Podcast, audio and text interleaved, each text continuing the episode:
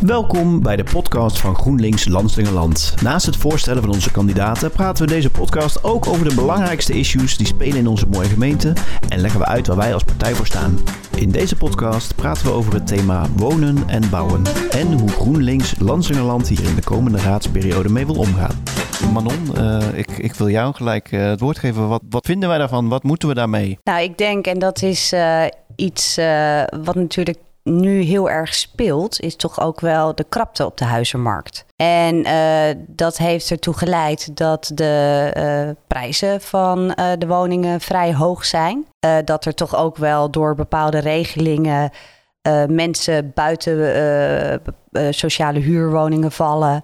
En dat wonen, wat eigenlijk een recht is voor iedereen, nu een soort luxe product aan het worden is. En ik als moeder van een dochter die het heel fijn zou vinden. Kijk, ze moet uiteindelijk de keuze maken die ze zelf wilt. Maar ik zou het wel heel fijn vinden als ze in de buurt zou blijven. In de gemeente zo? Ja, in de gemeente. Ja. Uh, buiten het feit dat ik het een mooie gemeente vind om in te wonen, vind ik het ook gezellig. Ik merk nu met mijn eigen ouders en mijn schoonmoeder hoe praktisch het is om ook bij elkaar in de buurt te wonen. Uh, maar ik vermoed dat zij uh, nou ja, weinig kans heeft ja. op een woning. En dat vind ik gewoon heel jammer. Ja, jij hebt daar een uitspraak over, hè Marco? Die hebben we nog niet teruggehoord. Uh. Nou, ik zeg hem toch best wel vaak. Dus verbaas mij dat je hem dan niet gehoord hebt. Toch beter opletten. Nou ja, goed, weet je, de, de, de huis, je hebt met drie soorten huizen in Landsingeland. Uh, dure huizen, hele dure huizen en extreem dure huizen. En uh, daar moet je echt wat aan gaan doen. Want wat wij aan het doen zijn, is de jongeren... die het over het algemeen toch niet het geld hebben om dat soort huizen te kopen... die ben je aan het wegjagen uit Landsingeland. Dus wat je net zegt, dat we echt dure huizen willen... dat is echt, echt een een, belangrijk thema waar we echt keihard aan moeten werken voor onszelf hier. Ja. Ja, dus, kijk, ja, Landskenland is natuurlijk druk aan het bouwen. En dat, dat zal de, de, komende jaren nog wel even zo blijven. Maar... Ja, dat verwacht ik wel. En welke rol speelt de gemeenteraad daarin om dat dan in goede banen te leiden? Nou ja, kijk, de gemeenteraad is natuurlijk de baas van alles. Of het nou gaat over stoeptegels of over de, de hele huishoudpotje. De, de gemeenteraad gaat over alles. Dus als gemeenteraad kan je duidelijk aanstellen... nou, wij willen in een bestemmingsplan wilde zijde of Blijso of noem het maar op, waar dan ook. Dat we zeggen van nou, we willen een bepaald percentage aan sociale woningbouw willen wij daar hebben. Daar kan je eisen aan uh, verbinden. Dus, dus juist als, als nou één ding is waar je als gemeenteraad echt iets kan doen. Weet je, je kan niet zoveel doen aan de prijzen van een huis, want dat is nou eenmaal de markt. En ja, je bent geen marktpartij. Maar waar je wel wat aan kan doen, is het soort huizen dat je bouwt. En of dat huurhuizen zijn, of dat dat koopwoningen zijn. Daar, kan je echt, daar moet je iets aan doen als eh, gemeente. Dat er ook anders gebouwd wordt dan er nu gebouwd wordt. Met meer aandacht voor, voor goedkopere woningen, voor sociale huurwoningen. Dan heb je eigenlijk maar één keuze. En dat is GroenLinks. En ik weet, alle partijen roepen nou, we gaan bouwen. Het feit blijft dat door dit, deze coalitie is de wachtrij voor een sociale woning is gestegen van 40 maanden naar 80 maanden. Ja, weet je, dat kan deze coalitie zich aantrekken. Dus als ze nu roepen van... Nou ja, ja, ik begreep daarnaast ook van, er was, er is in de coalitie natuurlijk al een, een akkoord geweest over een bepaald percentage eh, sociale woningbouw. En dat is niet gehaald. Nee, sterker nog, het, is, het wordt minder. Destijds, vier jaar geleden, hebben ze gezegd van ja, we gaan 20% sociale woningbouw uh, doen. Uiteindelijk zie je dat nu aan het einde van de rit dat het percentage teruggezakt is naar 18%. En in de bouwplannen voor 2022 is het nog maar 14% wat ze bijbouwen. Dus je gaat nog verder en ga je naar beneden. Dat is van de zotte. Dat is echt niet te doen. Nee, nou is natuurlijk wonen sowieso uh, politiek hot. Voor alle partijen om op in te zetten. Omdat ze mhm. snappen dat kiezers uh, ook uh, behoefte hebben om ergens te wonen. Ik denk wel dat het belangrijk is om te benadrukken wat ons als GroenLinks Landsingerland onderscheidt met de andere partijen. Want wij hebben daar wel een hele. specifieke uh, kijk op. Want ik denk dat wij wel uniek zijn in uh, hoe wij tegen wonen aankijken. Om maar even het percentage te benoemen. Wij zetten redelijk hoog in. Ja, kijk, je 35% sociale woningbouw. En daarmee zetten we de, hoogste zetten we daarin van alle deelnemende partijen. Ja. Uh, en die, die 35% in die nieuwbouwproject heb je ook gewoon nodig om te kunnen plussen met wat we nu al achter uh, liggen. Weet je, als je weer gaat roepen naar 20% of 25%, daar hou je het gewoon niet mee. Maar daar werken we ook die wachtlijst niet mee weg. Wel nee joh, ik bedoel een wachtlijst van 80 maanden, 88 maanden was het geloof ik de laatste keer. Dat is echt absurd. En dat is echt in de afgelopen vier jaar gebeurd. Hè? Dus uh, weet je, en natuurlijk, je moet niet alleen bouwen, maar je moet ook kijken waar je bouwt. Je moet de kernen moet je koesteren. Dus we willen dat dorpse willen we echt wel een beetje erin houden. In ieder geval in die kernen die we nu hebben. En dat doen we niet alleen vanuit uh, de herkenbaarheid, omdat we het mooie dorpskernen vinden. Nou. Maar ook wel omdat het een functie heeft dat je gewoon groen in je dorpskernen hebt. Ja, maar ook natuurlijk wel mooi. Kijk, ik, ben, uh, ik kom uit Zuid. Ik, ik ben uh, uiteindelijk naar Berkel toegegaan omdat, weet je, vanwege ook wel het dorpse karakter.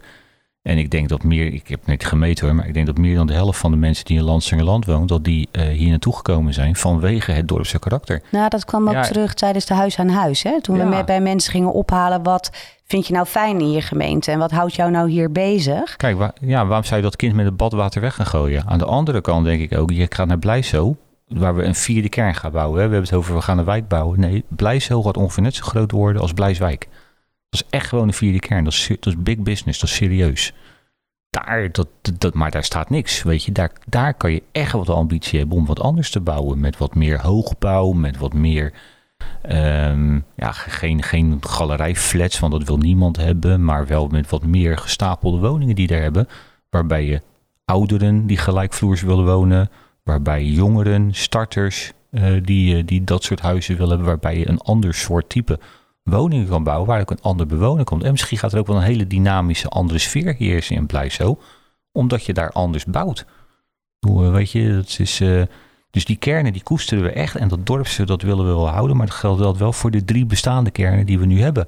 Waarbij daar natuurlijk ook een verschil is. Blijswijk heeft echt een hele andere sfeer dan dat Berkel en Roderijs eh, heeft. Er is echt een groot verschil eh, daartussen. Ja, en Dus- dat, dat moet je blijven koesteren, absoluut. Maar waar ik ook een beetje naartoe wilde, is dat er partijen zijn die denken: Nou, we hebben hier nog een stukje groen, daar kunnen we nog wel wat neerzetten. En we hebben daar nog wel een stukje groen waar we iets kunnen bouwen. En dan denk ik, ja, maar hoe gaat het dan met flinke regenval en opname van eh, grondwater, eh, hemelwater? En hittestress. Weet Nou, je, dat bedoel ik. eh, en De hittestress, dat is niet dat wij gestrest zijn van... oh god, het is zo warm, ik moet een, eh, ik moet een Magnum halen bij de huisboer. Nee, hittestress is gewoon dat je echt merkt dat er meer bebouwing is. Meer beton en stenen. Daar loopt de temperatuur op in je, in je dorpse of in je bebouwde kom. Dus daar, ook daarvoor moet je al zorgen dat er gewoon meer groen is. Weet je, ik irriteer me mateloos daar dat bij de HSL... dat daar, een, eh, daar was een stuk groen. Daar hebben ze nu een eh, complex neergezet waar de kantoorruimtes eh, gaat komen. Van de zot om ook dat alvast voor te bouwen. Die mensen die hebben geen uitzicht meer. Het was groen. Er waren kinderen die daar ook speelden, want het is naast een trapveldje. Biodiversiteit, als het om natuur gaat. ook, ook dat houdt toch een keer op met alles maar bouwen. Weet je wat ons betreft zeggen we, die grote projecten die we nu nog doen, die doen we. Wilderzijde, Blijso, daarbij eh, station eh, Westpolder, daarachter gaan we nog eh, bouwen. Maar daar zijn we wel een beetje klaar. En maar even van de locatie waar we bouwen, zijn we als GroenLinks natuurlijk ook wel ambitieus om, als het gaat over hoe bouw je, en je hebt duurzaamheid eh, daarbij eh, in het oog. Nee, ja, duurzaam bouwen. Ik bedoel, eh, we hebben het eh, gehad over de, de, het sociale aspect en kijken naar wie er komt wonen en wie dat kan betalen. Maar je moet denk ik daarin ook zeker niet vergeten dat het, het duurzaamheidsaspect heel belangrijk is. Ook voor de sociale woningbouw. Hoe duurzamer je alle woningen in een wijk bouwt, hoe goedkoper het ook wordt uiteindelijk om te leven in die woningen. Dus een, een goede isolatie. Ik bedoel, een, een vriend van mij die woont in een, eh, in een hele oude flat in Delft die totaal niet geïsoleerd is. Die zit heel hoog, die zit midden in een soort van windhoos. en in de winter eh, heeft hij gewoon extra kach- kachels nodig. Dat is een, een flat met eh, stadsverwarming zelfs.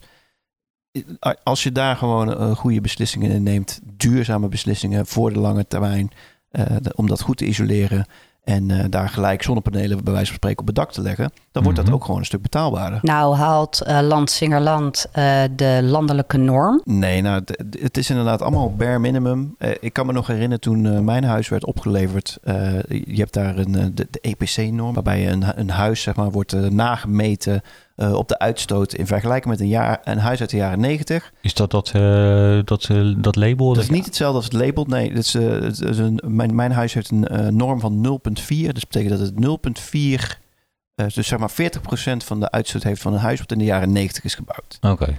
Dat was toen de norm.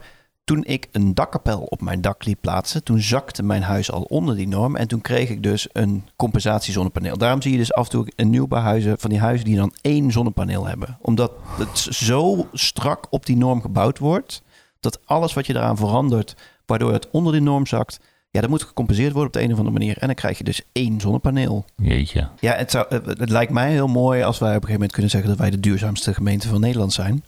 Maar dan hebben we nog wel wat, uh, wat stappen te zetten, heb ik het idee. Uh, ja, dat sowieso inderdaad. Uh, ja. Oké, dus even resumerend. we gaan ervoor zorgen als GroenLinks dat er voldoende gebouwd wordt. Dat er op de goede plekken gebouwd wordt. Dat er duurzaam gebouwd wordt. En dat er vooral ook betaalbaarder gebouwd wordt. Zeker. Ah, en dat we ook wat creatiever willen zijn in soorten van woonvormen. Als het bijvoorbeeld gaat over ouderen. Hoe fijn is het niet in een nou, beleid waarin je langer thuis moet wonen dat er uh, settingen zijn waar je als ouderen bij elkaar kunt wonen en elkaar kan versterken, zowel sociaal als ook uh, ondersteunend. Ja, zoals Knardorf, wat uh, maar al die jaren niet van de grond komt. En er zijn nou, ik, ik, wens echt wel op een iets dergelijks bij mij in de omgeving waar mijn ouders en mijn schoonmoeder uh, kunnen gaan wonen. En ik denk dat als ik dan zie wat voor huis zij achterlaten, met alle vraag naar uh, huizen voor gezinnen, dat je ook op die manier doorstroom creëert Dit op de markt. Dit is natuurlijk ook een groot vra eh, vraagpunt van, van de doorstroom. Als mensen nergens naartoe kunnen, geen, geen volgende stap kunnen maken en blijven zitten waar ze zitten, mm -hmm. uh, ja, dan krijg je ook een infarct uh, van woningen wat, wat bewoond blijft door, ja, ik zou het geen scheef wonen, scheef huurders scheefkopers willen uh, noemen bijna. Uh, dus dat is ook wel iets om, om natuurlijk rekening mee te houden bij de uh, planning van wijken. Nou, daarom zouden Goeie we aanvulling. wat creatiever moeten worden als Landsingerland en wat ambitieuzer. Daar gaan we voor zorgen.